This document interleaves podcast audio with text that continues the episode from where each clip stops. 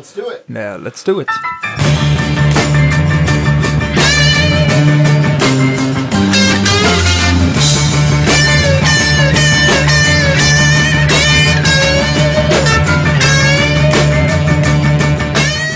So, welcome to Guitar Geeks podcast. This is episode 105.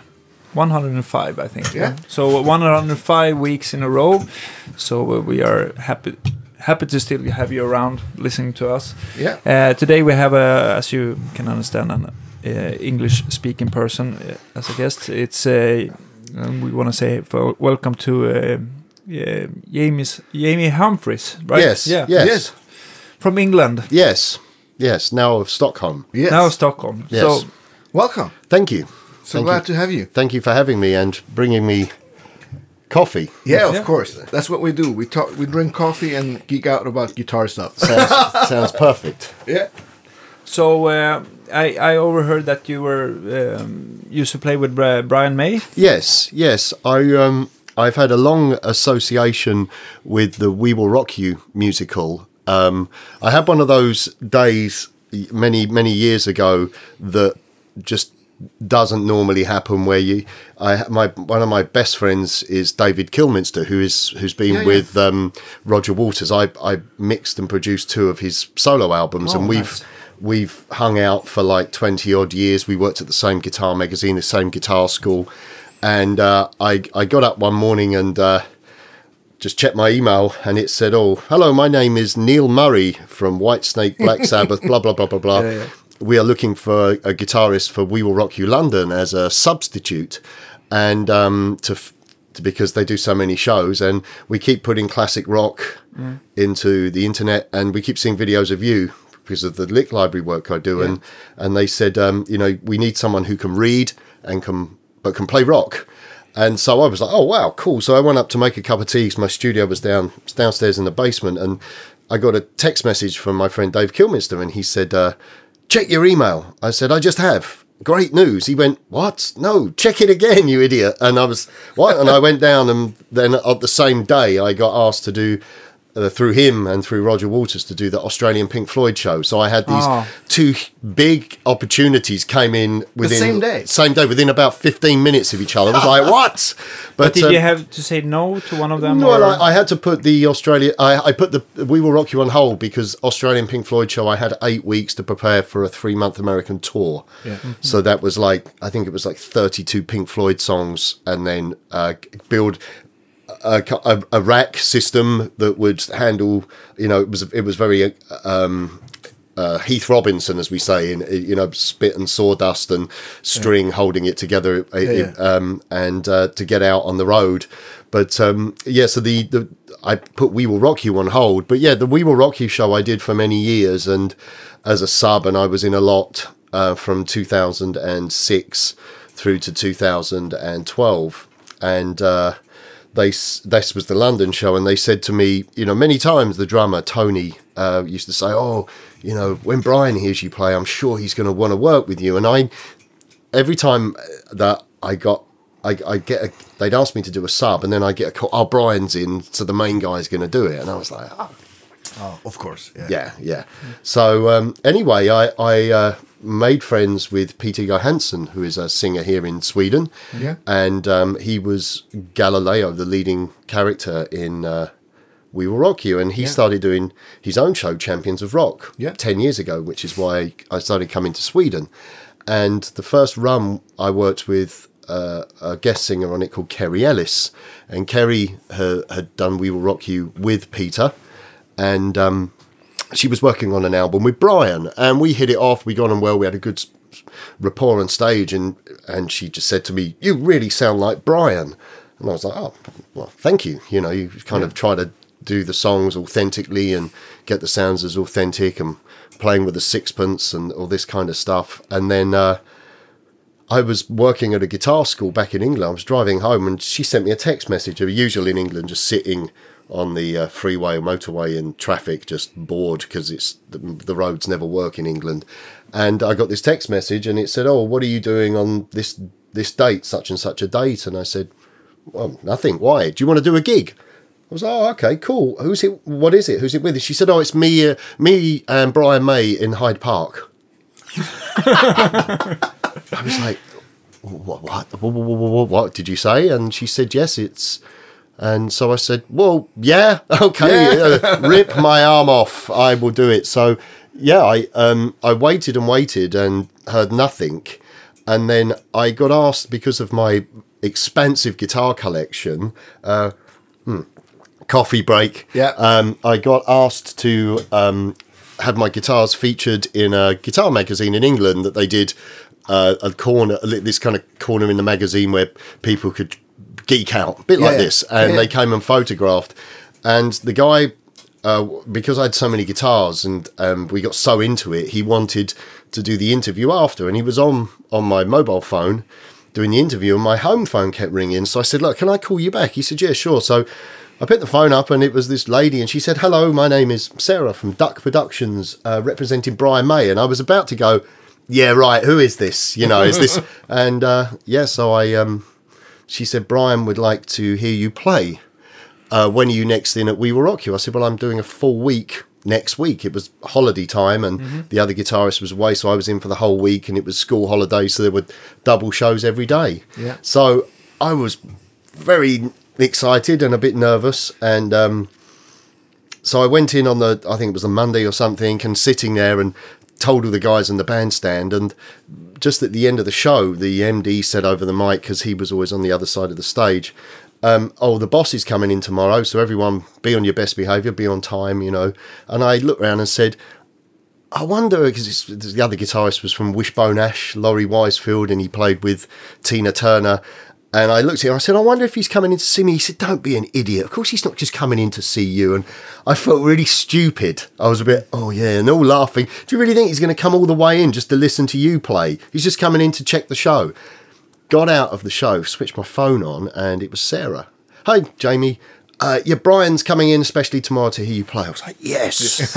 so um, I got in the next day, and by this time, word had spread, and I'm like trying to hold the guitar. No, I was pretty composed, and everyone was cool, and they just said, look, you know, just play.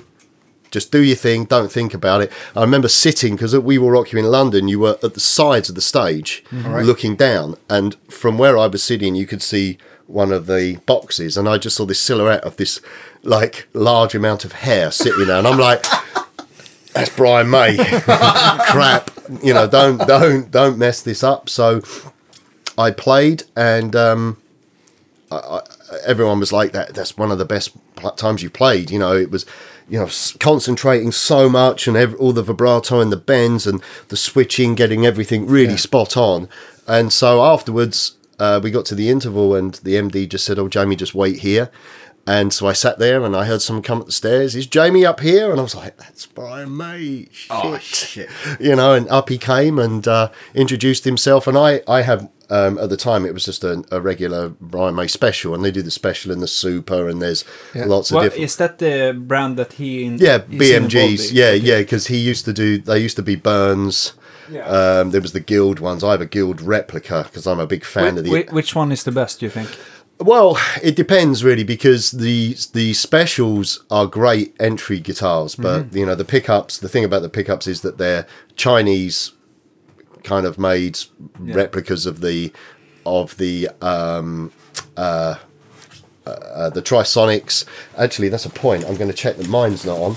Uh, they're they're Chinese replicas of the Trisonics, and it's the same pickup in every position. Whereas on um, Ah. on the uh, Red Special, that isn't the case. The neck pickup is different. But they make the Super. Now, the original Super, which was made by KZ, a Japanese company, who made exquisite replicas of the Brian May guitar even before you, the internet. So you can see pictures of them. They were so spot on. It was him and Greg Fryer made the original Super, and I used one of those in Germany. Massive neck. Yeah, I felt one of those too. Yeah. Not, I, I don't know who made that repli- replica that I uh, tried, but uh, it, I remember that the, the, the necks were Yeah, massive. So they um, there's a guy called Adrian Turner, who unfortunately, due to ill health, is not making pickups anymore. But he has the winding machines from the original Burns factory, Yeah. and he made me for my special. He made me some hand wound pickups with magnets from 63, 64, so the same batch as Brian's. All right. So- what, what, what's so special with those pickups? You think if you compare it to uh, Uh, yeah, something else, P90 or Humbucker or Yeah, they have a very very unique sort of sound to them. Um, I think speaking to Brian because he uh, obviously through meeting him on that, that that day, this was the funny thing. He he looked at my guitar and he said, "What guitar is that? You know, is it a special or a super?" And and I, I just said. Well, it's one of yours, Brian. You know, it was just the dumbest thing I could. And he was like, "Well, of course it's one of mine." You know, and it, it kind of broke the ice. But then Yeah. from that point, I ended up going to his house for rehearsals, and it was just me and him playing. And so I remember walk, driving up to his house and then driving up this road. Oh, it's not a road; it's actually your driveway to your house. Ah, that's your. Oh, is that a house or is that is that a castle? You know, it was, and uh, going in and Yeah, yeah. sitting down for coffee, and these two little Vox Brian May practice amps set up, and him handing me the red special That, that must be surreal. it was like you know just Yeah. play it you know and um he'd done a lot to the windings of the pickups and the way that the there's something about the neck pickup that i don't want to say and get it wrong because people are so geeky about this guitar. And there was a fantastic book written by a friend of mine simon bradley on the red special where they took it apart. It's a great coffee table book and and uh, i would strongly advise anyone to look that book up because if you're into that kind of thing, it really goes into the history. But originally, Brian made his own pickups that almost resembled trisonics, and uh, the problem was was he had to try and the magnets when you were bending the strings because of the polarity would make a, a weird scratching sound, and he couldn't cut magnets or something. I don't really know how it works. So he went and bought the only replacement pickups that he could find, which was um, Burns London. In, in London, they had a, a store and he bought these pickups. But then he did a lot of, of different things to them with the windings, altered the windings of the neck pickup. I think the neck pickup maybe something about it, it's wired in a different way. Um, but yeah, they have a very unique tone about them um, and uh, uh, a very. I, I think it's a mixture of many things with that guitar. I think it was, as Brian said, it was a happy accident when he he made it. He was inspired by um, Hank Marvin, and he was inspired by Jeff Beck and uh, Rory Gallagher. So the whole kind of thing was he liked the the feedback of Jeff Beck. So they chambered the guitar, but it was a bit of guesswork you know, and it was made of scraps. You know, the the the springs in the in the bridge, but they're they kind of the springs are mounted here, so they're kind of long ways um, in the back of the guitar. So the, Okay, the, the the tremolo is balanced, and it's perfectly balanced. You can dive bomb that trem, and pull it up, and the guitar's in tune. And it's like you made that when you were fourteen years old, and they made the tools to make the guitar. It's crazy, you know. And you've got shirt buttons. His mother's shirt buttons filed down as the neck As markers. dots, as in the- dots, in the yes. neck. That's cool. In the parts of the neck, um, there's um, there's you can see he's pushed matchsticks in to fill woodworm holes, Yeah. and uh, the tip of the whammy bar is the end of a knitting needle where his mother used to knit, and the Where is springs, it? the springs are from a valve casing of a motorcycle. yeah. It's unreal. They he was as poor as a church mouse, as he said. You And, know. and the body, what's the body made of? The body is made of is a there's a lump of oak, and I'm sure it's oak. I know that the fingerboard is is is polished. Is that ma- mahogany or oak? There's and there's it's it's like a mahogany block board. I probably got that wrong. So if I've got that wrong, I'm sorry. As I said, look at the book. There's uh, um, but it's like a, a like a tone piece in the middle and the block board around it, and then it's like a veneer on the top, and then it was just. Uh, Rustin's something. It was like a wood treatment that he painted it with, and uh, but yeah, it, it- it went through several different phases. You'll notice on it that there's like a star, and that star originally, if you look at other pictures of it, it was a red dot.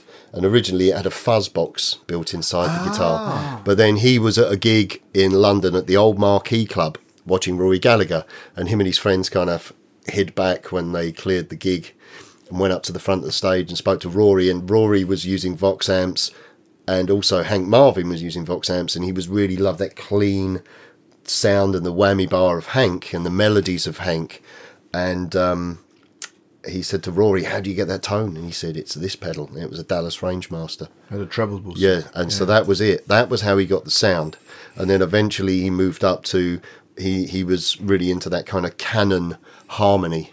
So he got a second amp and a delay, a tape delay, and he made the tape heads longer so he could get longer delays. He made it all himself. It's incredible. Yeah. And when you go to his house, he's got this storage facility where a lot of my gear, and up until only a few weeks ago, I had gear there.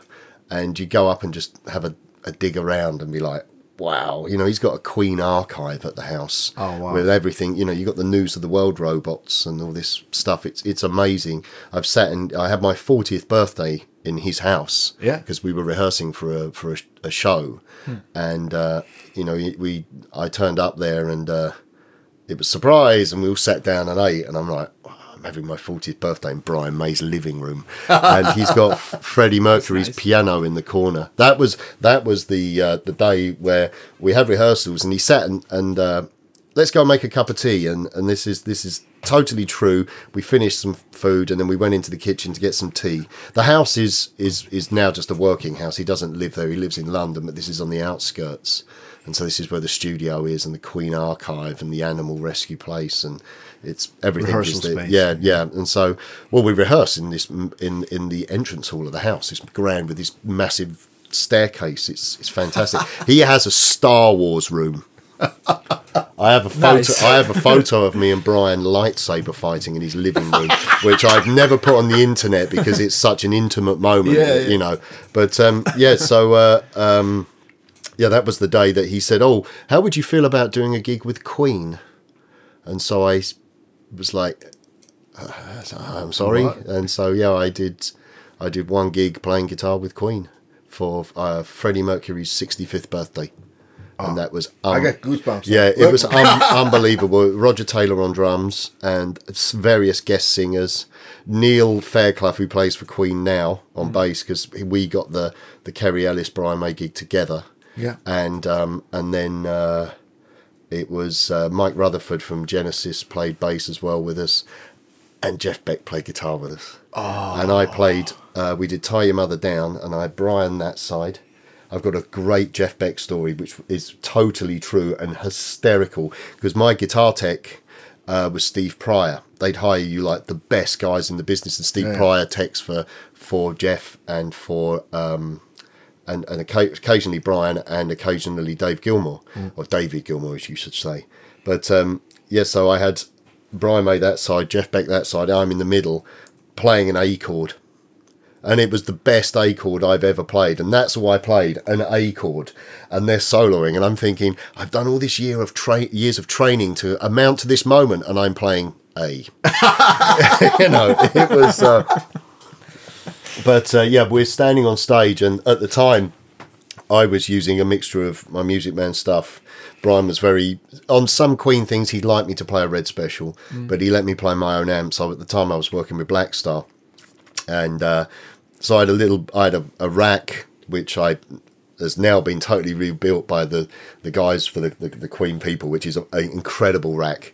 But um, I had uh, just a little board for this gig because it was a, you know, I was just the, the rhythm guitarist. It was a, quite an intimate gig in London, and um, so I've got my pedal board, I've got a chorus, I've got an EP booster, I had a wah wah because we did uh, um, good old fashioned lover boy. And so. Brian wanted me to do all the question and answer, diddle it, wah wah wah wah, little wah wah bits in between, which was was great fun. So you use the wah wah like a tone control.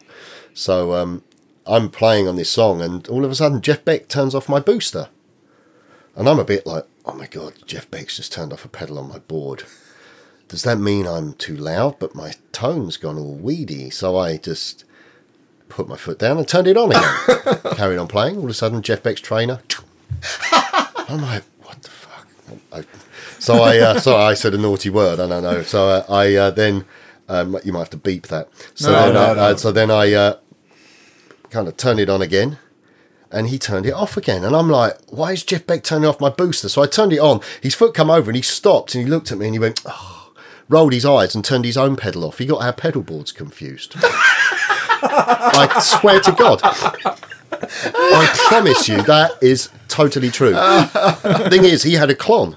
Massive, great big gold pedal, and I had Yeah. this tiny pedal, and it, and I was just like, you had a senior moment, you know, Yeah. an old man moment on Yeah. stage, and you, and that is true. He turned my, he kept turning my pedal off.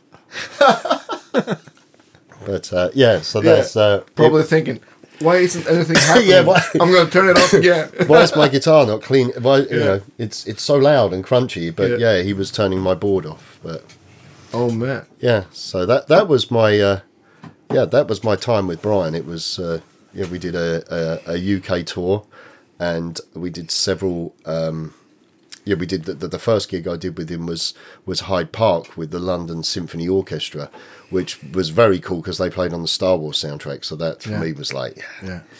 you played in Star Wars. You know that was that was awesome. But that was the that was the first gig. You know, eighty thousand people live on TV. Jesus. Yeah, That's plenty of. Yeah, yeah. yeah, yeah. That was a good one. Yeah. Can you find that on YouTube? Yeah. Yeah, there's uh it, it's very funny.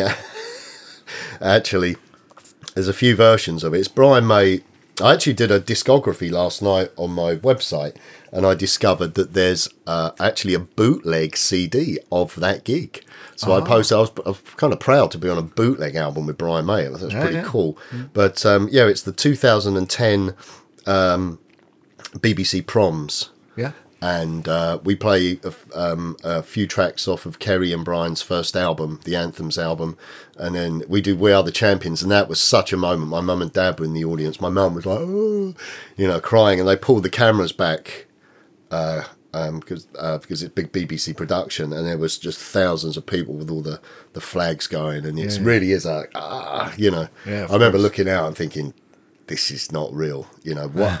and it was. I think we played for about twenty five minutes, and it was the fastest twenty five minutes of my life. I wanted it to go on forever, but that was fantastic. It was just yeah.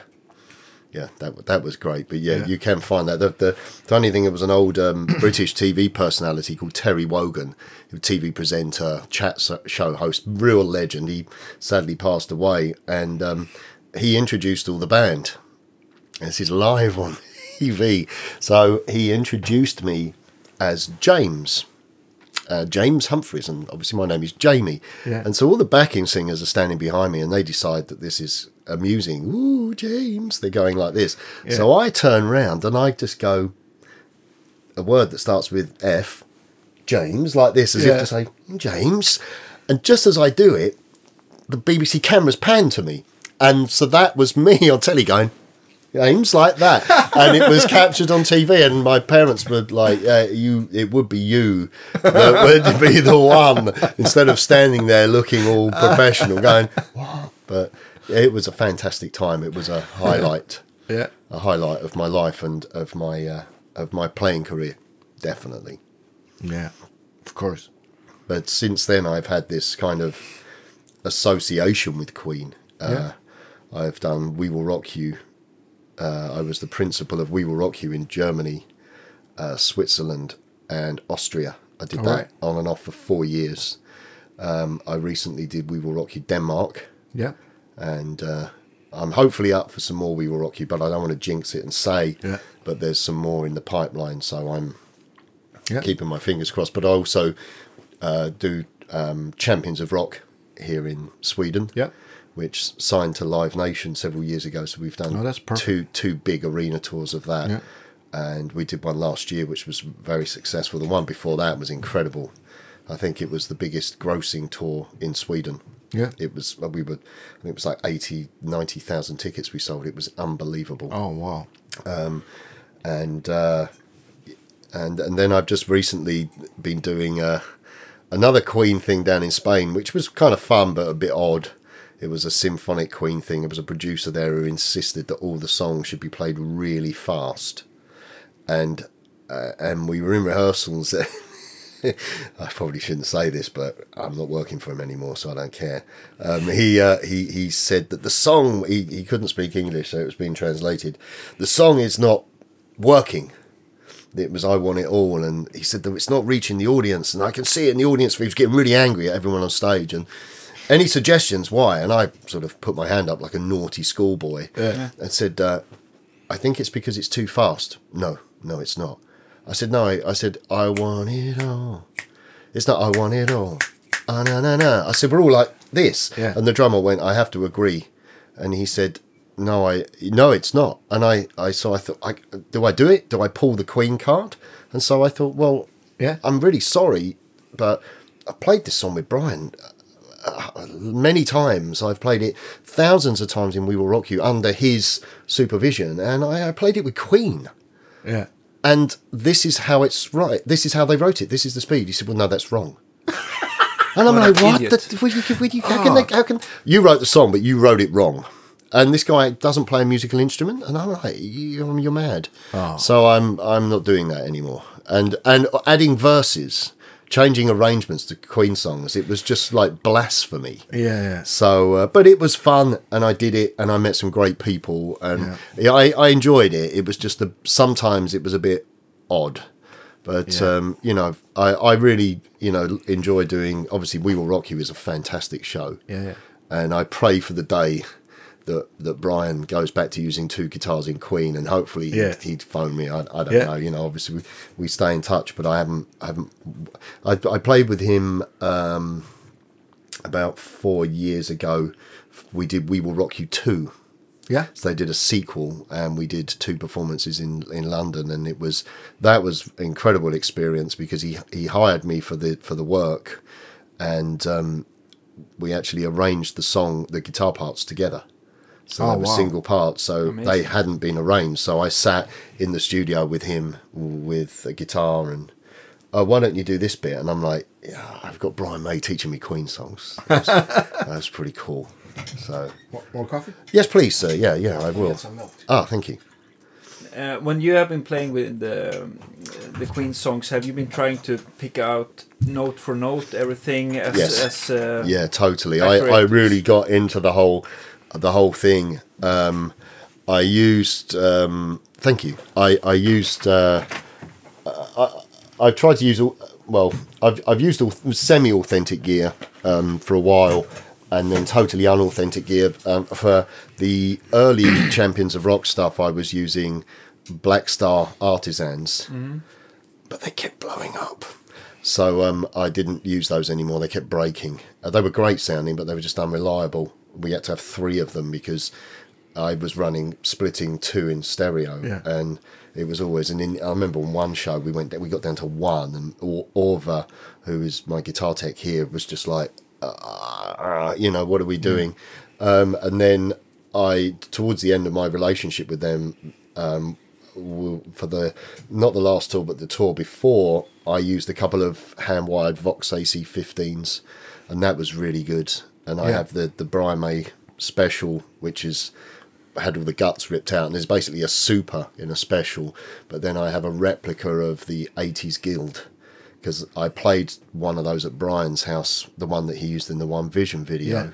and it's got the massive neck which wasn't on the production ones and i was like this as a kid that black the whole black with the black pickups when i saw that in a magazine that was the red special it was kind of a t- weird twist it has a Kahler on it and DiMarzio you know it's great guitar they made 300 and i I used Brian's one, you know. It was like I don't want to let this go because this is the One Vision guitar. And then, uh, rather naughtily of me, I met a luthier in America, and he built me one which is a bit naughty, but it's just for me, and Yeah. it will.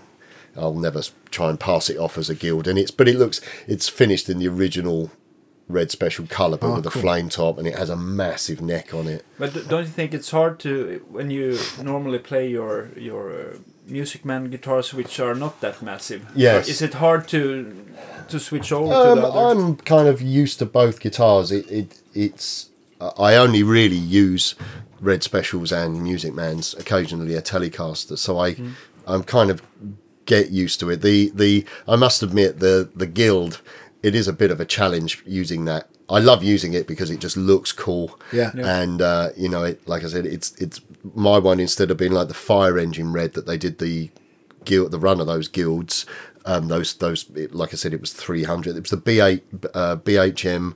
01 or 001 they did another replica and then they did another one after that was very close apart from the bridge and that had Seymour Duncan versions of the Trisonics in and Brian then Brian ended his relationship with Guild because they started releasing guitars with like humbuckers and stuff and he was like hang on a minute that's not what we were meant to do Yeah. and, and he wasn't pleased with the alterations hence why he went to Burns and then eventually set up his own brand Yeah. but uh, yeah it's a little bit odd going between the two um, but uh, I'm kind of used to it now. Um, Yeah.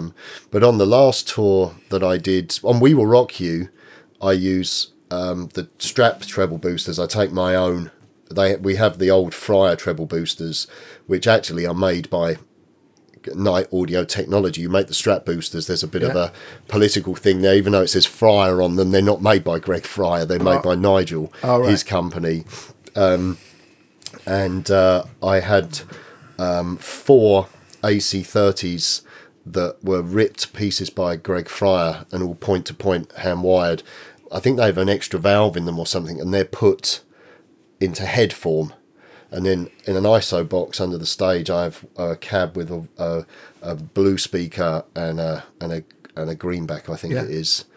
And those amps were just unbelievable. I wanted to buy one when that show finished, but they wouldn't sell them to me. And even if they did, they would just be horrendously expensive. Even Brian, I think Brian came out to Germany and did it before I joined and went, I want that amp and, and just took it because they are really good. Yeah. But I was doing, um, I did a thing two years ago, and I, I am a lucky guitar player, I think, because I got asked to do some shows with Henry Rollins. Oh, yeah. which was awesome because I was a massive Rollins band fan um, in the '90s, and I did some stadiums with him, which was more kind of moments of being a rock star, playing Hellfest, and Yeah. I played the Olympic Stadium in in Munich, in Munich Yeah. which was uh, we were with because it was to to do with my, one of my oldest mates is the drummer of Iggy Pop, and it was all under his management. So Yeah. Henry and Iggy, we finished, we closed the festival, and it was oh man, this is go from Brian May to now this, and um, because of doing that, I I did a little pedal demo for an English distributor of MXR. Um, it was a Van Halen thing Yeah. and a Van Halen pedal, and, and uh, they said, "What amp are you using?" I said, "Oh, just because I'd only just moved to Sweden. I'd like this little one watt Blackstar lunchbox thing in my studio. Everything, all my Cornfords, everything was all in England still. And uh, and I said, "Oh, I'm just using that." And uh, they said, "Oh, uh, how, how would you feel about playing a boogie?" I was like, uh, really? And so we we went into months of discussion, and then eventually Boogie reached out, and I ended up working with Mesa Boogie, which I've been with Yeah. for two years. So the last, the, the point of this, the last Champions of Rock tour I did, I had this really beautiful rack that Nigel Knight, who builds the treble boosters, designed and built. It's unbelievable with custom switches and stuff. It has these arms in the back, so when you pull the pedal trays out, the arms extend in with all the cables. Oh, wow. You Nice. can't see that, any That should be something for you, on this. oh man, if you ever want to come round, uh, the rack is stored at my house. I've stored Oh, it. nice. love How to. we would It's, love it, you come in and check it out. Do you have do you have pictures for it? For I know our listeners would love. to yeah, see man, I've got of loads of pictures of that. It's- Awesome. I have. Um, awesome. I use old Line Six Echo and delay modelers. Yeah. I have an old TC unit just for reverb, which was for this thing I was doing with Henry Rollins. It was called Gutterdämmerung, and it was basically a really dark movie. This is I sound like I'm name dropping, but it was Yeah, a but- dark fairy tale that starred Lemmy, Henry, Slash, Grace Jones, uh, Tom Araya, um, the guy from Queens of the Stone Age, Josh Homme. Yeah. It had Volbeat. It had uh, Eagles, a death metal singer, and basically an Iggy Pop. Iggy Pop was an angel, a dark angel. You see him with CGI wings, and God plays a guitar, and it's a BC Rich, and basically he steals the guitar and he throws it to Earth. And it causes death and destruction. And they showed the movie on this massive screens, and it was loads of heavy metal. And we played the music live uh, to the movie. But Ah, then you'd have people from the uh, people from the um, the movie come and sing. Yeah. So the guy from Eagles of Death Metal and uh, and Grace Jones. Grace Jones played Death, and she had all this CGI. Ah. So It was amazing. So, uh, but I had to have a lot of weird sound effects for that. So I had this old reverb in there. Um, then Nigel built a custom switcher for buffering, a router for buffering, um, which also enabled me to um, switch have mono effects and I have stereo effects programmed, but then sum them into mono, so I didn't get weird Oh, yeah. phasing if I was using one or two Yeah. amps. Okay. Yeah. Um, I have a couple of wirelesses in there because all these guitars have piezo on my Music Man. Oh yeah, you get Yes, even though this one no, normally they have a th- another volume, but when they built me this one, I had it all concealed in the back, so I never touched the volume on Yeah. that. Uh, I had a couple of GCX switches in there, a noise gate, a rack noise gate, and then a couple of trays of pedals. But uh, I was using on the last Champions of Rock tour. Finally got round the houses to that. I was using a Mesa Boogie John Petrucci signature. Okay. yeah, That's like a Mark the- Five. No, it's, well, it's, it's like a Mark II C plus, but it's, Oh, right. it's three Mark II C pluses in one. But amazingly enough, not many people know this, but the clean channel actually uh, you can you can distort the clean channel, which they don't really make a big deal about because John always has these very pristine cleans. Yeah. And if you push the mid range up on that channel and push the push the gain, it breaks up like a vintage old amp. Yeah. So I was using that, and then a friend of mine in in Spain designed a pedal called the TAE and it's called a tube amp emulator. And um, these you should check these out. He's just done a Blues Saraceno signature one, but he's a Danny's a great um, uh, guitar player. He did We Will Rock You Spain and does a, a Queen tribute thing. He always does the Freddie for a Day um, events. But the TAE is basically a Brian May Vox in a preamp pedal, and it Oh, has I saw that at These Goes to Eleven yesterday. yeah, they're unreal. I've been Yeah. using them. They even made one when my daughter was born with her name engraved. But I, Oh, cool. I use one of those. You can use it direct. I've actually been using it on a board. The direct signal going into a, uh, uh, an orange Omec pedal, which Danny also designed, Yeah. which then goes into my iPad for my chorus, and it has two outputs from the pedal. So there's your wet signal, and then the non-emulated output of the uh, TAE goes into my two notes pedal, and that's my Vox IR. So I can I turn up with the pedal board like that, and I can do wet, dry, wet. It's amazing. Oh wow! But so I, you use your iPad for effects? on on small gigs, yes, Yeah, but oh, in cool. in the uh, in the big the, the big rig, I had the the two note uh, the sorry the um the the TAE pedal in the rack, treble booster on the strap, even on the Music Man's, it really sounded like a, a red special on certain things. I That's was, such a big part of the sound. well, I was using a Music Man uh, Game Changer. Which was a very short-lived guitar. It's a reflex. It's chamber body mahogany, but you can plug into an iPad and you can rewire the pickups oh wow! but even though the pickups Yeah, are yeah, I, I yeah. tried one so, so I had one set up doing the pickups like a red special. So I had a Music Man that sounded like it, and I was using that for the drop D stuff. But um, but then I was uh, because the the boogie has um, a slave out. I was coming out the slave out into a two notes cab pedal, and then from the cab pedal I drive my send effects, and then I come out in stereo to the sound man. Yeah. So all my chorus and delays were just 100%. And then my uh, 2x12 Boogie Cab was under the stage in an ISO box. Yeah. And that was mic'd and that was dry. Yeah. And that was just my front end effects phaser for certain things. Um, and then the sound man would have wet, dry, wet. And but the the, the wet cabs were done with impulse responses, and Yeah. it sounded unbelievable. What impulses did you use? For Um, well, I, I was using a Vox impulse on that Yeah. to get the kind of hollow tone, but I've um, I've I've been lucky enough to have the the new Mesa Boogie impulse responses for about a month, and they just released them two days ago, which are official Boogie cabs, and they Yeah. sound incredible. I've been recording with those, and what impulse responses are you using?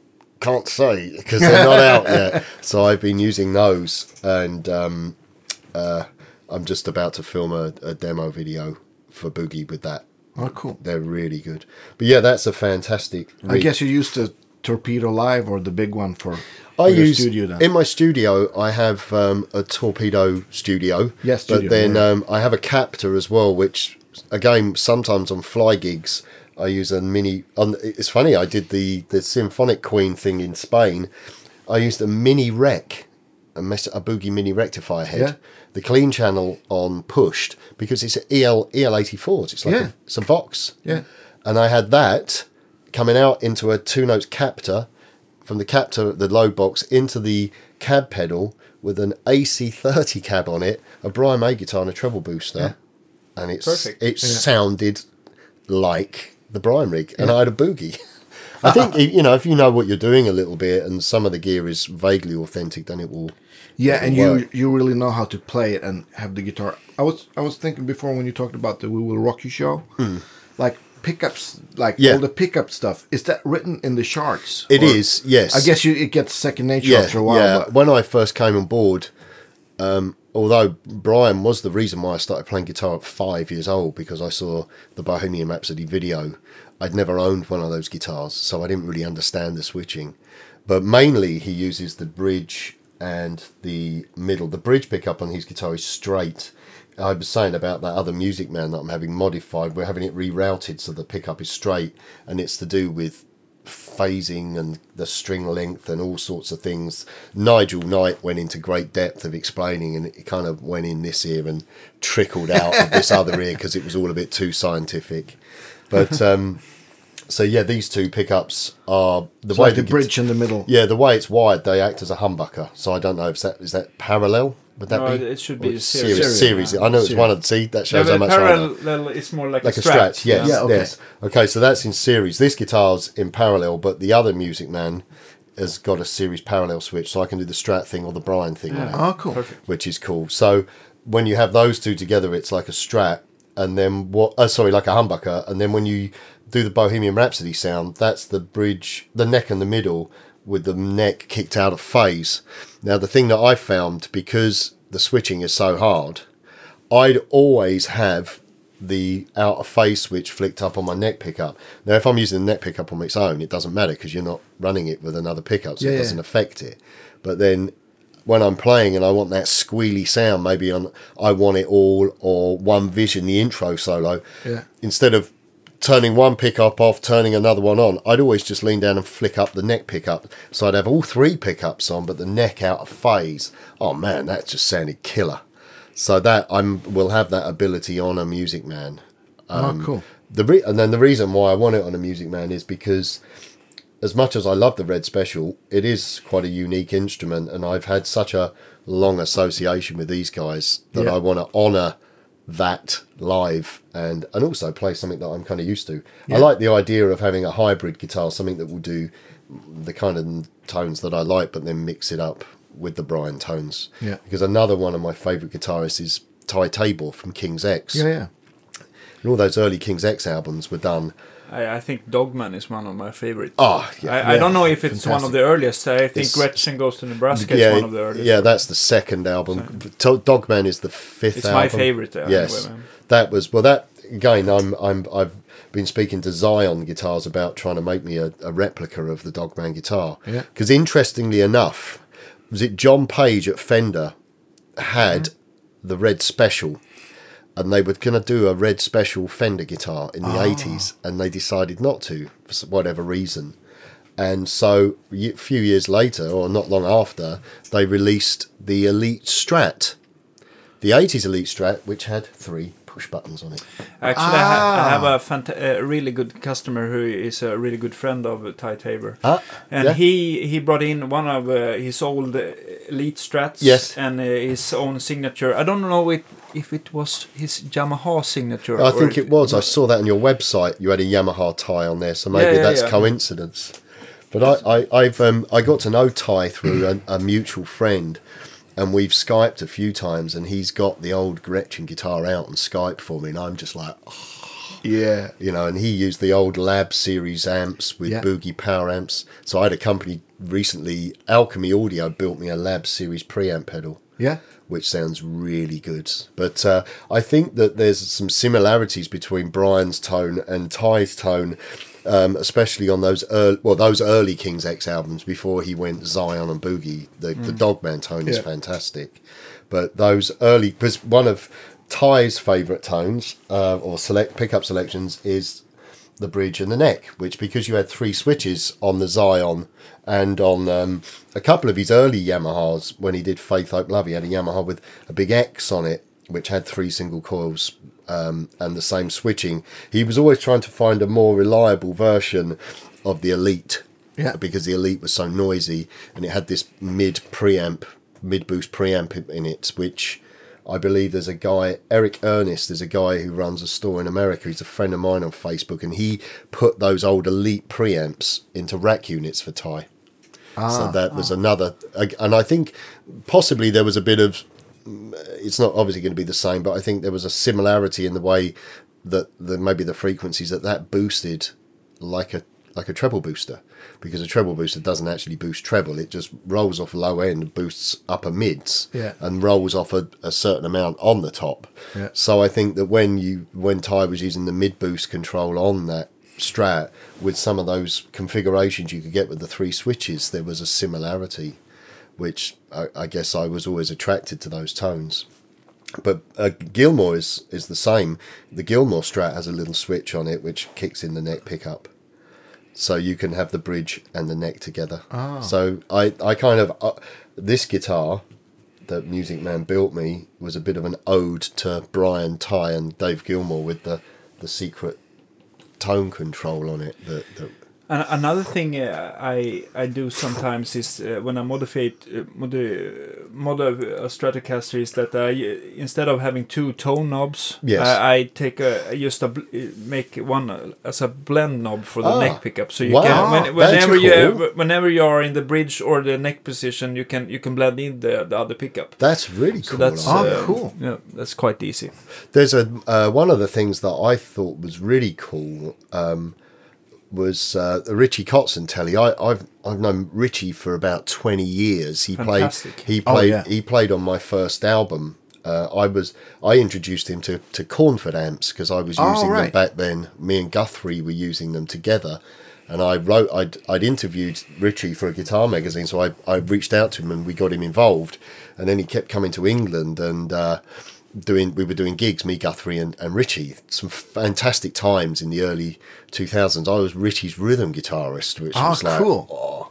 and um and so uh, as a kind of a thank you richie came to my house on one visit and cut a solo on one of my tunes and he used my old telly my jerry donahue telly that i'd converted into a richie kotzen telly after seeing him with poison back Yeah, yeah. back then and Nine, heath was yeah. like is this one of mine? I said, no, you know, and he was like, but it's got a black scratch plate, and he graffitied the guitar for me.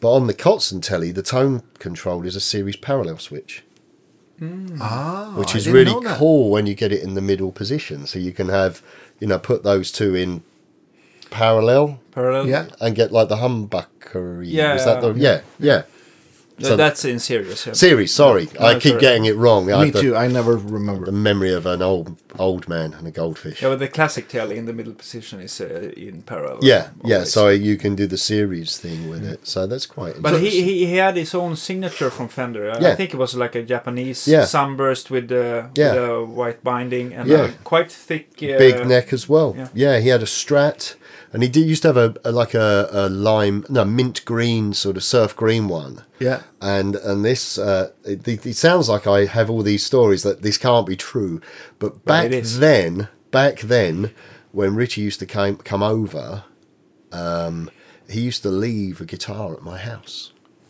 Yeah. And I had one of Richie's green Telecasters for ages. And then I don't want to say his name, but uh, I said his name earlier on as, a, as an amp manufacturer who uh, said that, uh, when it, his company went a bit weird, he went, Oh, um, I've got to give that guitar back to Fender. And I was like, Really? But Richie said it was staying at my house. And then when he comes over, I think it was more of a just hang on to that, Jamie, and if I need it.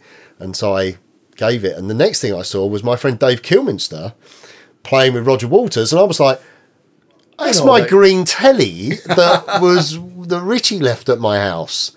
And then the guitar went back to to this amp manufacturer, who I said his name, but I won't say it again, and it disappeared into the ether, and I never saw it again. So I was a bit disappointed because I had Yeah. one of Richie's guitars, and when he used to smoke, it had all cigarette burns on the on the Oh, headset. cool. It was really cool. So there, yeah, I, I've been a fan of his since I was about 18. Yeah. And I got the first album, no, the second album, and uh, the uh, Fever Dream, and then Electric Joy came out. Yeah. And that I think that's one of the best instrumental albums ever.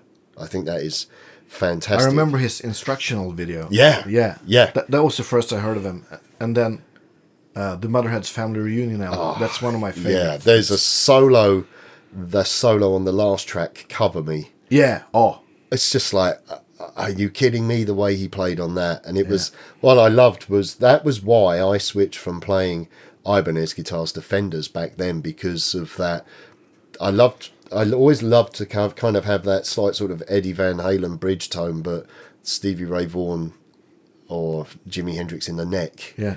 and so that was i, I guess obviously that doesn't really give you a, a van halen tone but it's a bit more open and thinner Yeah, And let, let's talk a bit more about your guitar. Yeah. Is this like a signature? I'd thing? love to say it was a signature guitar, but it's not. It, but it's I, a Music Man Axis. yeah, right? I um I uh, have always been attracted to Telecaster single cut, cut guitars, but I always liked unusual ones. I used to work for Ibanez's distributor when I was 18. We had an old Ibanez Sabre, but it was a telly that CC DeVille used on top of the pops, and it was mint green. And I nearly bought that really thin, like the old um, the old Frank Gambale guitar. Yeah. And I, I've always been a massive Van Halen fan, as we all have. And I remember seeing the adverts, the Music Man adverts, and the Music Man came out. I used to go to the London Guitar Show and sit on the Music Man booth all weekend.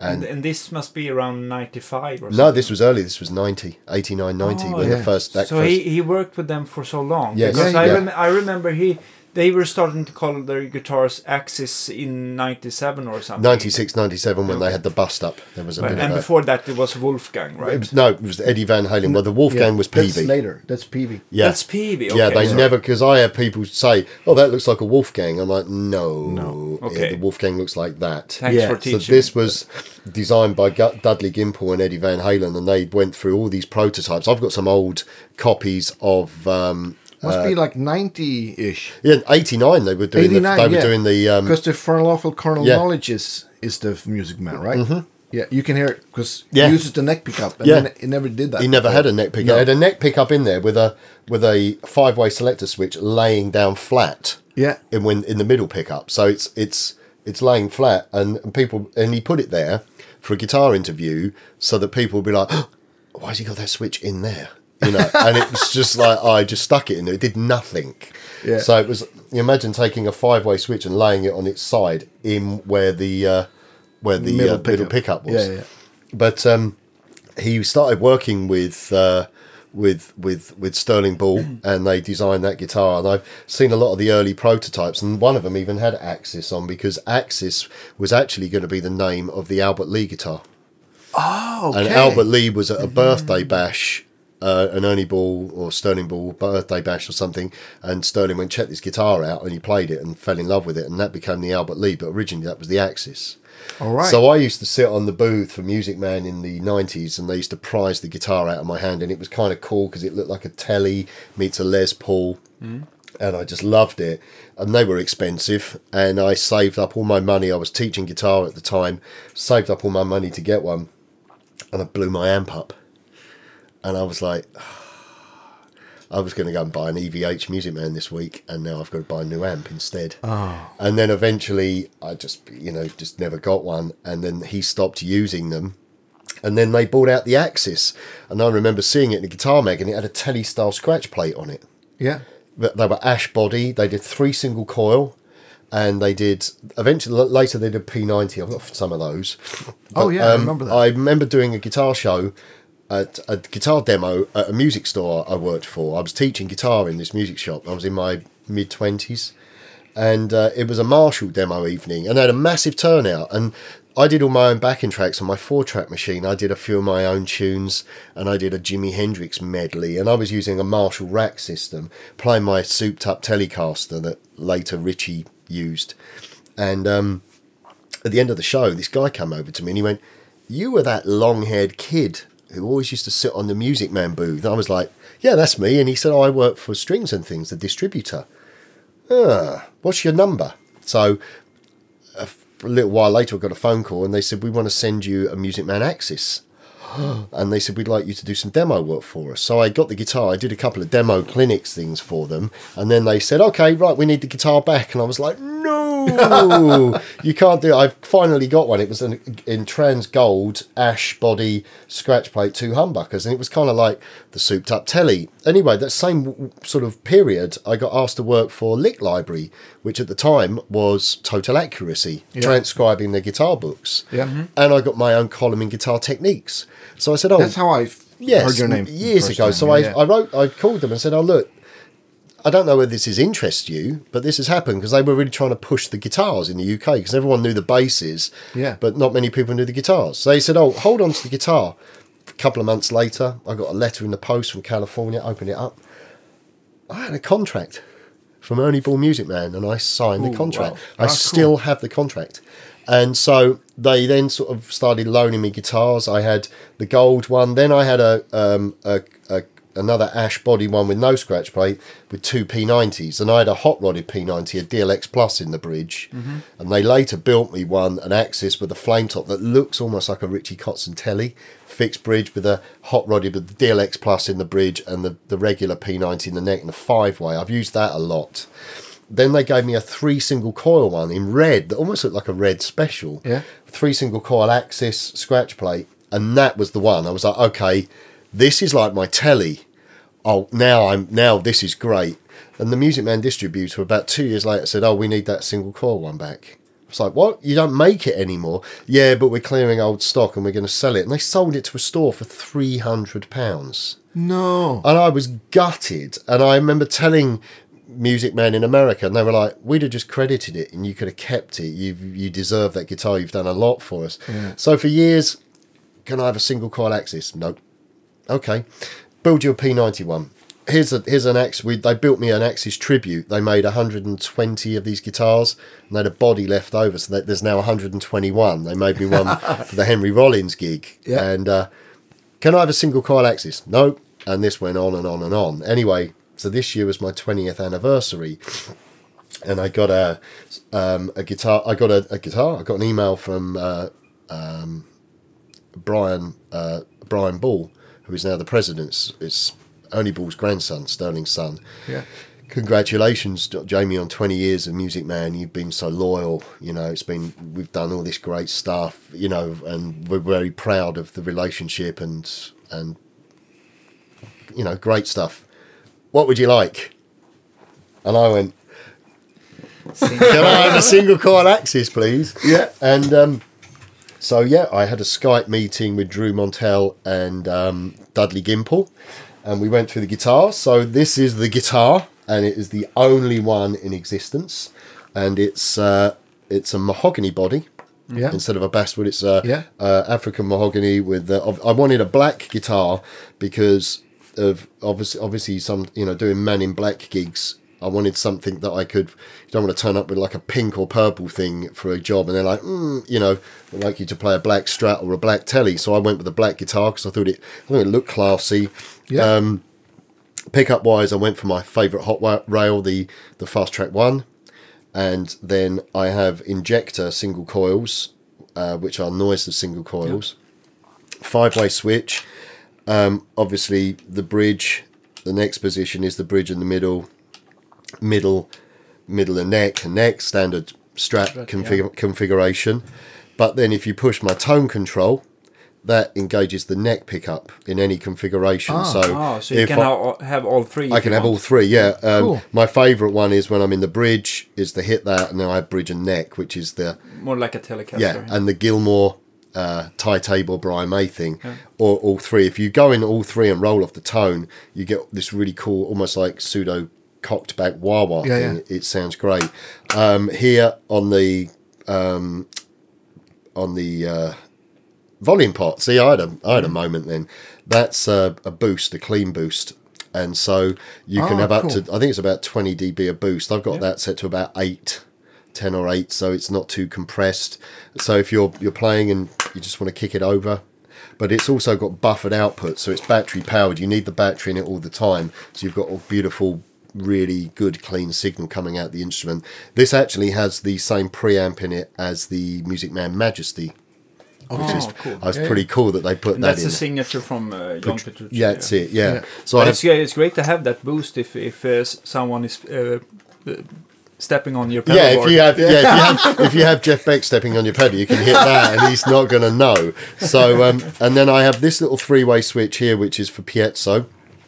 So I have um, that's magnetic, that's magnetic piezo blend, that's piezo. Now on the old, I've always had piezo on my on my super sports, but um, on this uh, with this one I didn't want the volume pot because I felt it looked cluttered. It's the volume pot is actually in the back, but Oh, it's set because I always do it with a volume pedal. Yeah. So I Oh, didn't okay, need it. need it. And then I have dual output.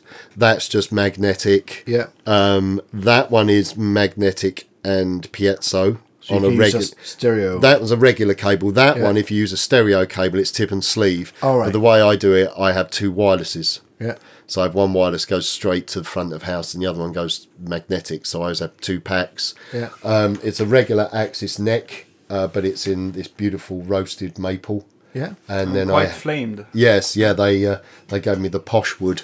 Yeah. and uh, uh, and then I have um, uh, jumbo fret wire, the six one hundred, but it's stainless steel. Mm-hmm. I went for that, Yeah. and you'll notice I have a short whammy bar. Yeah. I see it. So it's that's a bit of Is it uh, like a Gilmour thing? the Gilmour thing. So the guitar kind of pays homage to my main kind of influences. It's a Van Halen, vintage Van Halen now shape from the 90s. It has the hot rail thing, the Ty Tabor, Gilmour, a Brian May thing, Gilmour whammy bar, the Gilmour Ty Tabor sort of thing.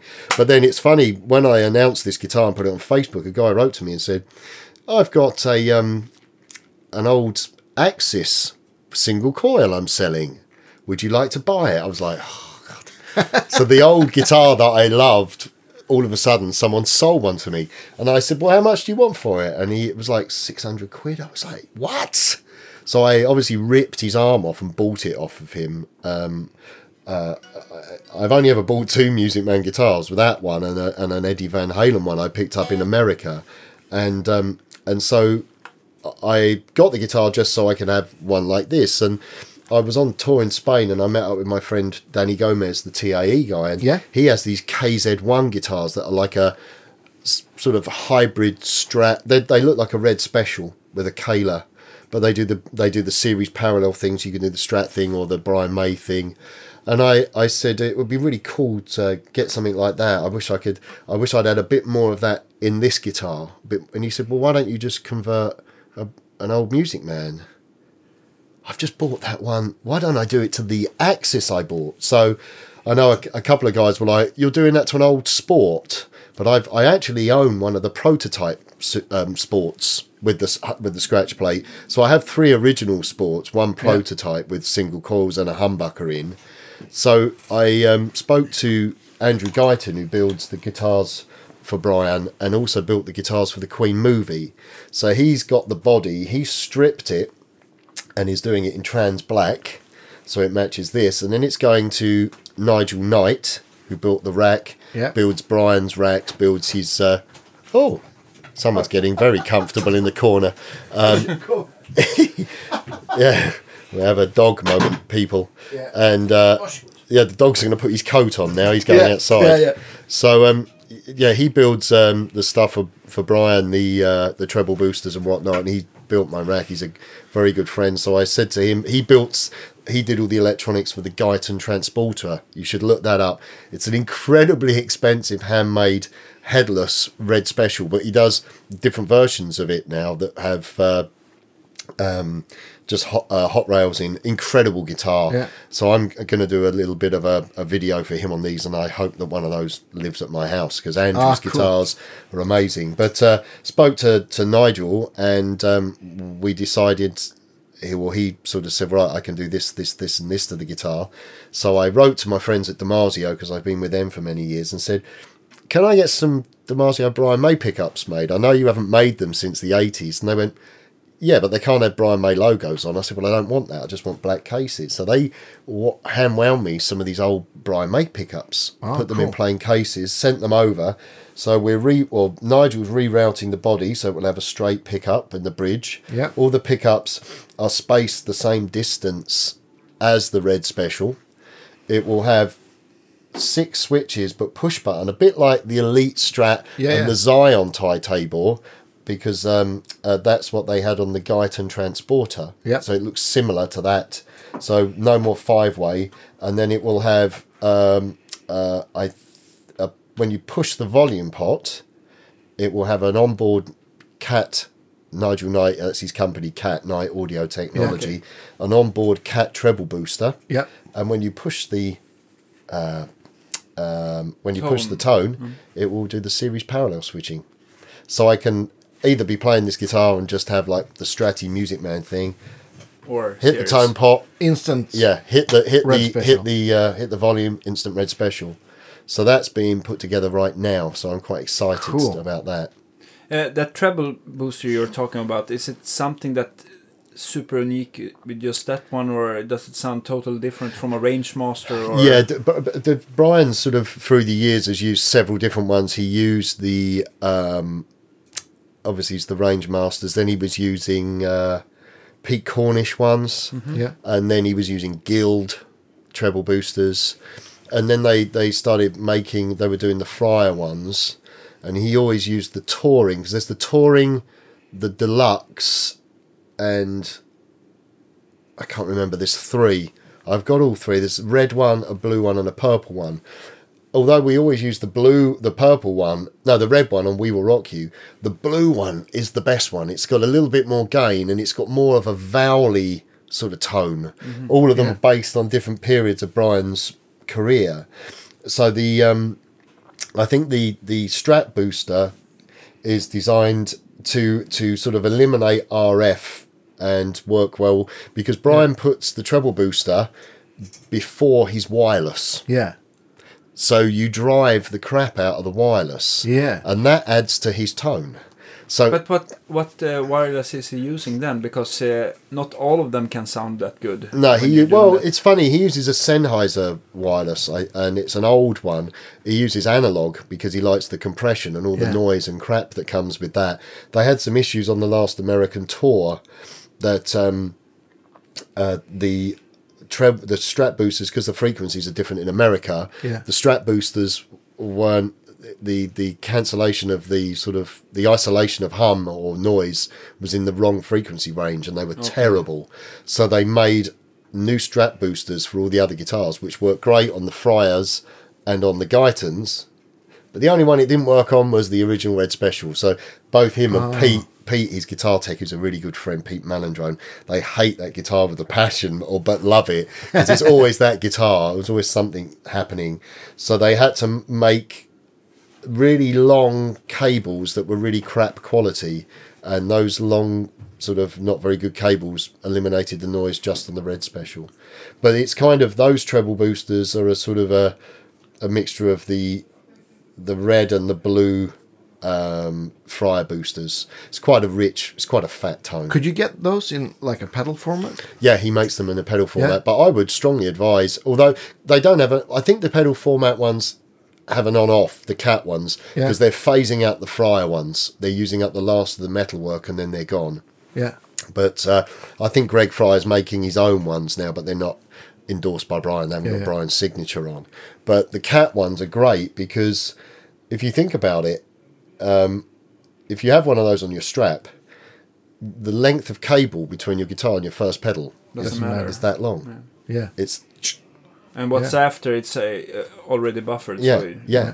So it's really it has a, several sort of um, functions. You know, I, it, it it it it works. It cleans up really well. I've I've used them on this guitar with a Line Six wireless. They just sound fantastic. Oh, cool. And then you, I'm I'm not a completely clean tone guy, so I always back down the volume. I normally have one of my channels a bit um, a bit uh, clipped Yeah. and then just add the, the tre- yeah. yeah. and the treble booster sort of pushes it. So um, they're worth checking out though. They are they are really really fantastic. Yeah. This, I have I have two of those, and then obviously I will have one built into the into the Music Man, which is cool. cool. Will there be like, is there a, like a volume or and anything, or is it like an on-off thing only? It's just on. It's just on. Yeah, Yeah. it's always on. Brian Yeah. never turns them off. Yeah. So um, uh, I didn't have any noise with mine with my boogie. I had the noise gate set up to eliminate some, but where I think it was hitting the TAE pedal first, which kind of added a bit of a glassy tone, and then Yeah. I had a slightly pushed uh, crunch sound on my boogie, and I didn't use the graphic at all. We just just kept it simple, just the EQ on the amp, Yeah. instead of using the graphic on the, the power stage that you Yeah. have on a boogie, and it sounded fantastic. It Yeah. sounded really good, and it was. I expected it just be going, but turn the volume down on the guitar, silent. They can Cool. be a, a little little noisy, especially with the Vox, but they just sound fantastic. Really, really do sound good. So, Yeah. I wonder back in the days when uh, when uh, Brian was out uh, playing with Queen all the time, did he have all, plenty of spare uh, Vox because they were they were going down after a while? I don't Or- know. I don't know about the early days, but when I toured with him, he would take nine on tour, Nine on tour. Okay. and then he had a so rat. it was true then. Yes, he had a, a like a, a stand thing, like a Yeah. that they build, and he has all of them lined up, but only the bottom three are working. There's an awesome rig rundown.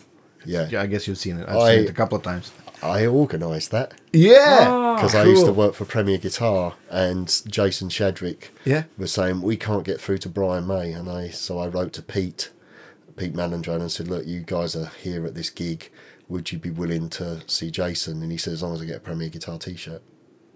I don't know whether he got the T-shirt, but I think it's the the biggest um, rig rundown they've ever had. It's had Yeah, millions. it's it's it's Yeah. that one and the ACDC one. yeah, I've- yeah. I feel quite proud Yeah. to have been part of instigating that. Yeah, that happening. cool. That's awesome. Yeah, not that I would ever get any uh, credit, but uh, I've instigated a, a few cool things to do with with Brian. Yeah. are sort of in the background because it, it can it, it sometimes it feels really good, but sometimes it can be really annoying because your inbox is. I sometimes get crazy fans. I must meet Brian. What's his hotel? What's his phone number? And you're like, uh, really? Yeah.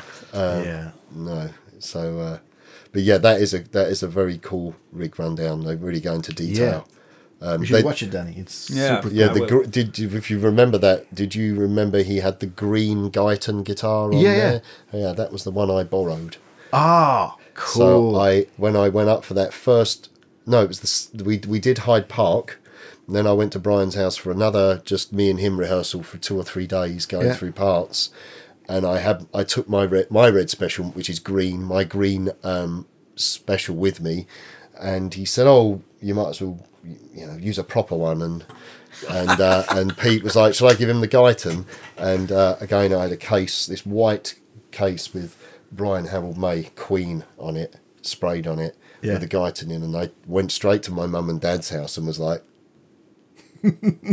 and uh, I, I- my my mum was like, "If you go away anywhere, bring that up here. You're not leaving that in your house. it's not as if I went away on a gig or somewhere. I used to go to my mum's house and leave the uh, the Brian May guitar there in case someone, you know, imagine Yeah, that yeah. someone breaks into your house and takes Brian May's guitar. That would be an absolute disaster. Yeah. So um, I had that guitar for about ten months, and I used to just sit in my house with it on a stand and just look at it. but I've got uh, there's a I have a really a really cool photograph actually somewhere I, I of me and Brian on stage together at the Royal Albert Hall, Yeah. and he used to do Last Horizon, which is his instrumental. I can't remember what album it's Back to the Light, I think.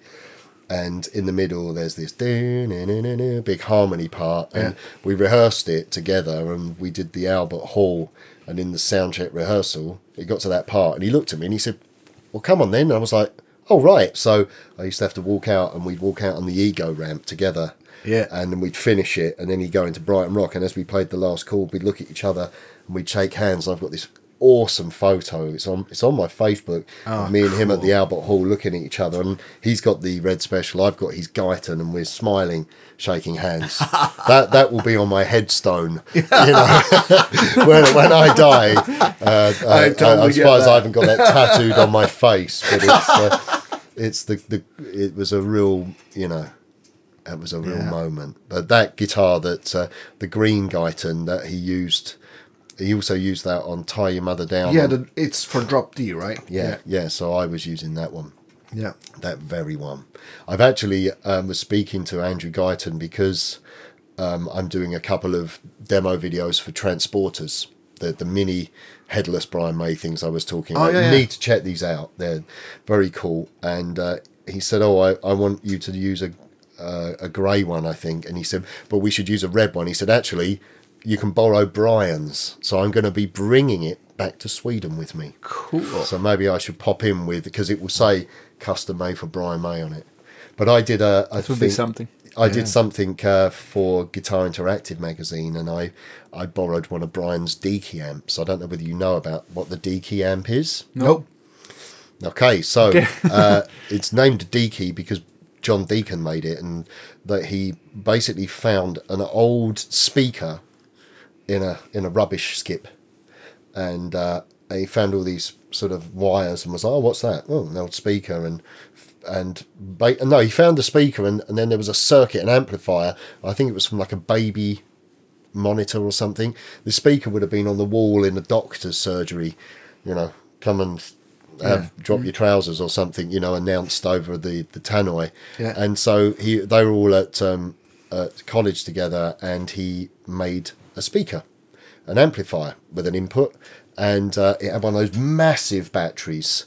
And uh, you could plug into it, and he used to practice. And he brought it along to rehearsal, and showed it to Brian. And Brian plugged it in with a treble booster, and they were like, "Wow!" And so you think of "God Save the Queen," things like that. Yeah. that's all recorded with the Deacy amp. So now Nigel made replicas. I've got one waiting for me in England to, to collect at some point. It's an old brown speaker. When you watch the rig rundown, did you Yeah. see the little brown speaker that they had mic'd up? If you think, if you look back at that, it's a. Yeah, it just looks to- like an old hi-fi speaker. I had that very one with me uh, at, at um, uh, Guitar Interactive. They lent it to me to use, and it has no on-off, no volume control. It's as loud as you like. But they do things like they put it in like a rubbish bin and mic'd it up to get Yeah. these weird sounds, and it's on. Um, oh God, I can't remember. There's a there's a list of the songs it's on. I'm sure it was used on Good Company as well, where he did all the brass band Yeah. impersonations.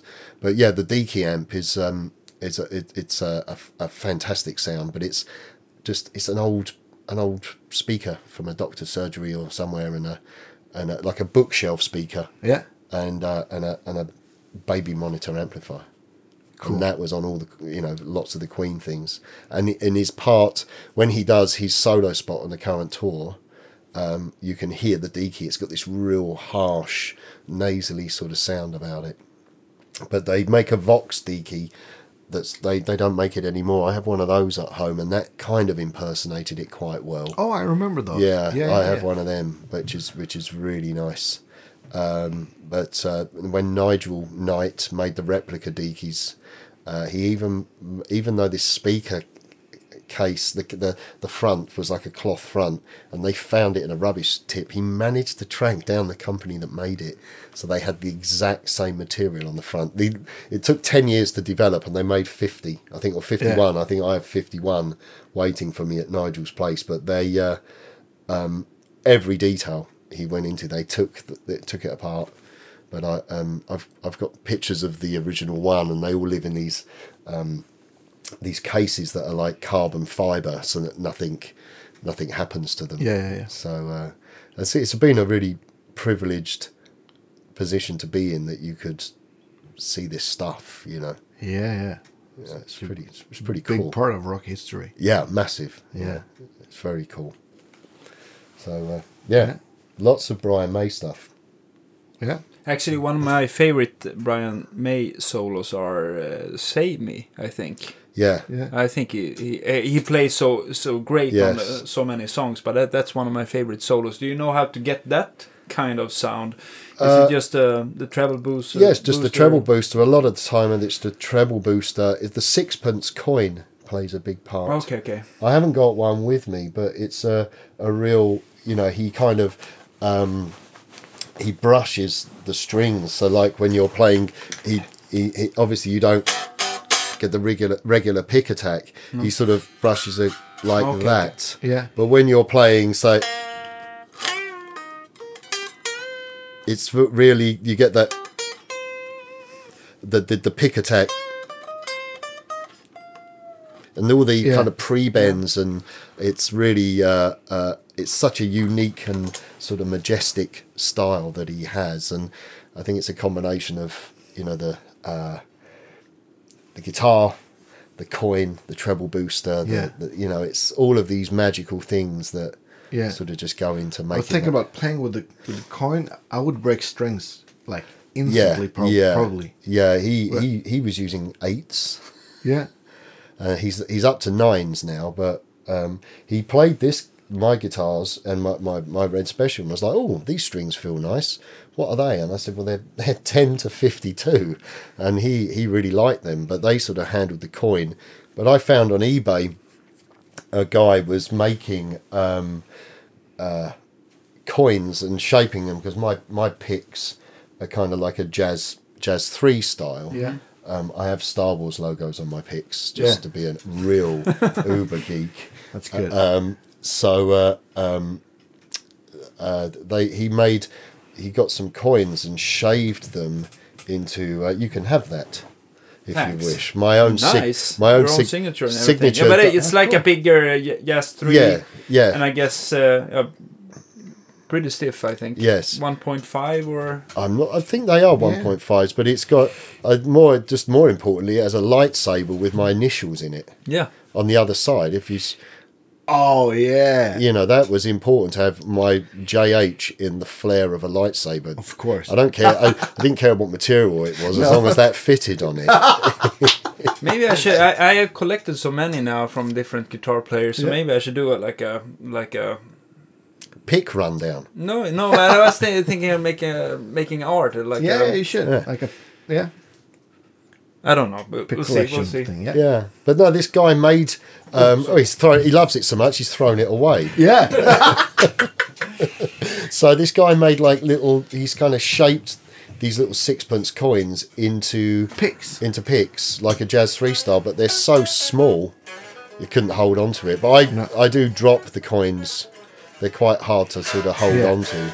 But when you do the Queen stuff, you use the yeah because it's such a big part of the sound. there's only two songs that I don't use it on. Um, one of them being um, uh, kind of magic and um, Seven Seas of Rhye because I can't alternate pick with them. No. They feel amazing. Who's making these for Dunlop. you? It's Dunlop. Okay. Yeah. Yeah, the I use those and I use the um I can't think of it. It's these kind of posh handmade Dunlop ones. These ones. Yeah, the brown ones. Yeah, I use those one point something. That one's a bit worn. Yeah, they sound really good too. Yeah, yeah. I, I go between those. Um, you can have a, a, a Star Wars pick as well. If- Oh, thank you. I, I have so they're either um, in in my pocket or in the washing machine. yeah. That's another thing that my, my future wife loves is when she discovers sixpence pieces ratting around in the in the laundry. They're everywhere. Maybe they help. Yeah, yeah, they they Yeah, add yeah. like a stonewash effect to your clothing. Yeah, yeah. But um, I buy them on uh, on eBay, just bags of them on eBay. Yeah. yeah, like ten pounds or something for a hundred of them. So Yeah. yeah, you should try it. It's it's. Um, I think someone said they're a little bit like a dime. It's a certain size, but it's an old coin from like the late fifties, early sixties. But you think hear things like um, uh, "Keep Yourself Alive," that and it's got that scratchy Yeah. sound, and that's how he did it. I don't know why he played with a coin. I don't know whether it was again one of those sort of we made everything, and I don't have a guitar pick. Yeah. Oh, there's a coin, and it just sort of stuck, Yeah. or whether it was a conscious decision. But it just seems it, it's it's unfathomable But that all of these such unorthodox things that he he he used Yeah. created this majestic, magnificent tone Yeah. and uh, so many songs that mean so much to so many people on different levels. Whether you know, you, if you're a guitar player or if you're, you know, not a guitar. It, it's Yeah. incredible how that music has reached so many people, Yeah. and that even young kids now are all you know doing the We Will Rock You thing, Yeah. and it was made on a guitar that he made when he was 14 with his dad out of old Yeah. scraps. I think that's amazing. Fantastic. Yeah. Yeah. It just goes to show, you know, we're all geeking out at the most expensive, you know, what's that wood? Oh, I found it in a, an old forest and it was, you know, aged, you know, some some ridiculous thing. The sap's been sucked out by Native Americans. Yeah, and, yeah, yeah. You know, and it's got. Uh, Isn't it- that true? Yeah. Maybe I'm onto a new thing there. Old tribesmen have dried that on a on a wood fire that's never been put out, and Yeah. they smeared mosquito blood into it. You know, something really stupid. And Brian Yeah, just got yeah. some old crap out the shed and yeah. made this guitar that's uh, that just it, it, when you plug into it. I was in a rehearsal with him for those um, those shows at Hyde Park, and it was literally we we had a tea break, and I was standing in front of the rig, just looking at it, his rack, his three guitars, uh, his three amps and the guitar, and he went, "Do you want to go?" Okay, and he put it on and said, and I sort of was sheepishly, he said, "Well, turn it up."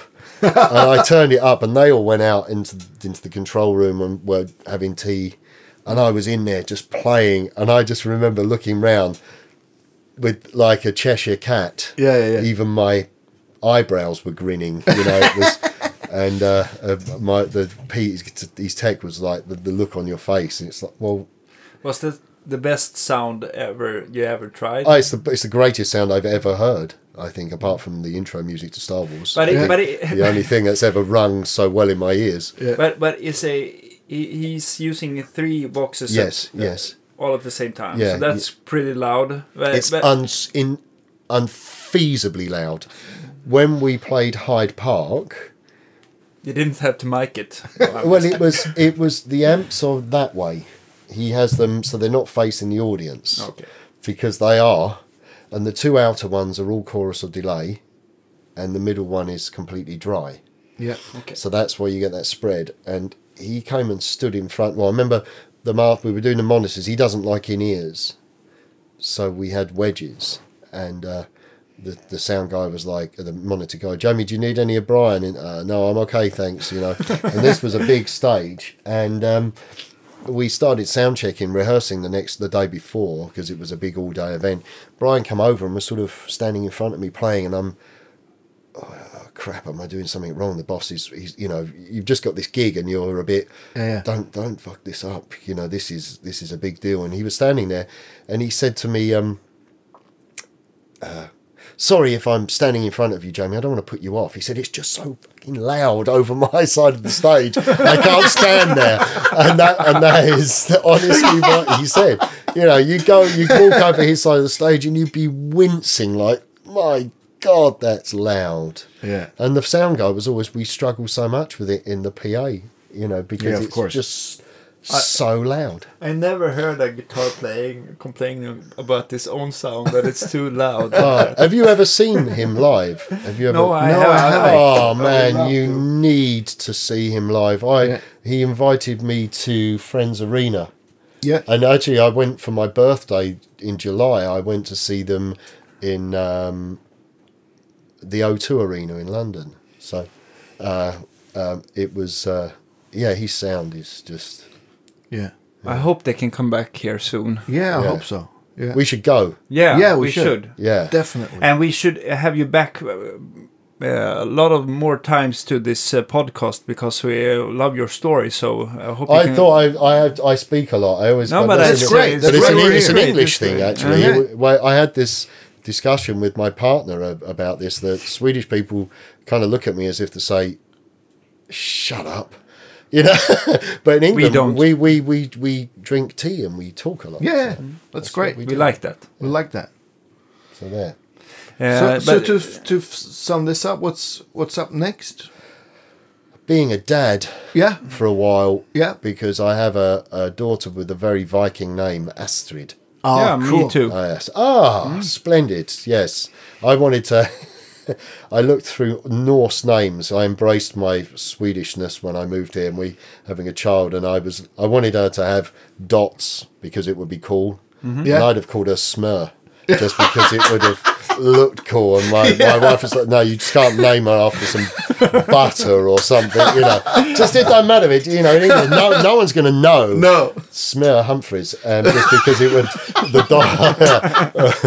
but uh, I settled Oh, on that's that. hilarious. But I, I I settled on Astrid, and uh, but uh, yeah, I've been touring too much. So I do my teaching from home. I have my own little thing called the Jamie Humphries Guitar Studio Yep. at which I've been doing some videos. I've been doing Yes. some product videos for Boogie and for Wampler, and I'm about to launch my own show on Oh, my cool. YouTube channel called Tone Chasing. Uh, Yeah. I've had all the graphics done, and the first one I'm doing is Brian May. Cool. Get the Brian May tone with a little board. Oh, we can link a lot of to our Facebook from Oh, that yeah, side. yeah, yeah. Well, I'll, I will let you know when I filmed it. I have uh, um, some commitments first to do before I film it. I want to do it right. I want to do doing it with some posh gear, Yeah. and then doing it with an iPad. Yeah. So okay, let's try and get the sound out of Oh, something that's- cheap. You know, that's really cool. And I want to cover some other favourite players of mine. Yeah. And um, yeah, I have some more Lick Library DVDs and Yeah. Nice. and then see what happens next year. Yeah. But Cool. I'm at home for a while, which Yeah. is nice. Uh, I, nice. I hope we can have you back soon uh, Yeah. and talk also about your own music and. Uh, I'd love to. Yeah, Yeah. yeah. And talk about Van Halen maybe. And, Yes, mo- and just- more yeah. Brian May Yeah, and, we Yeah. spoke a and, lot. and how to get the right uh, Gilmour sound or yeah we can talk Yeah. about a lot of things Yeah, yeah. I, I, we could we could do some some some cool things. Yeah. Let's. Th- this will be Jamie part one then. yeah yeah. absolutely yeah and we always have a question which is the last guitar thing you're gonna sell The last thing I would sell Mm. if I if my how if I was living on the street, yeah my mother. That's what I'd sell. I'd sell my mother than rather sell my guitars. No, the last thing I'd sell. Oh God. If it was all going wrong and I Yeah. that yeah it won't happen but No. if I've got th- can I choose I've got three things. okay it's all right No, two things. My number one music man that I've had for 18 years that's beaten to crap. Yeah. or my 1960 pre CBS Telecaster. So those were the. But I'd probably sell the Music Man first. You get two hands. You can. Yeah, yeah, Yeah. yeah, I don't know. That's a really difficult yeah question. we, we, Yeah, we- it is. may- That's why till we next ask it. time you should yeah, yeah, Well, thank you so much. Thank Oh, you. it Thank was a pleasure And, uh, yeah. I hope I haven't bored. no everybody. it No, was quite the opposite. far opposite. from it it was fantastic I think Yeah, fantastic story. and we would love to have you back very soon Yeah. Yeah. and uh, talk about Smur and uh, other Yeah, yeah, Yeah. yeah. My Okay, my, my. Swinglish. See That's you right. again uh, next Thursday. Thanks. Yeah. Bye. bye bye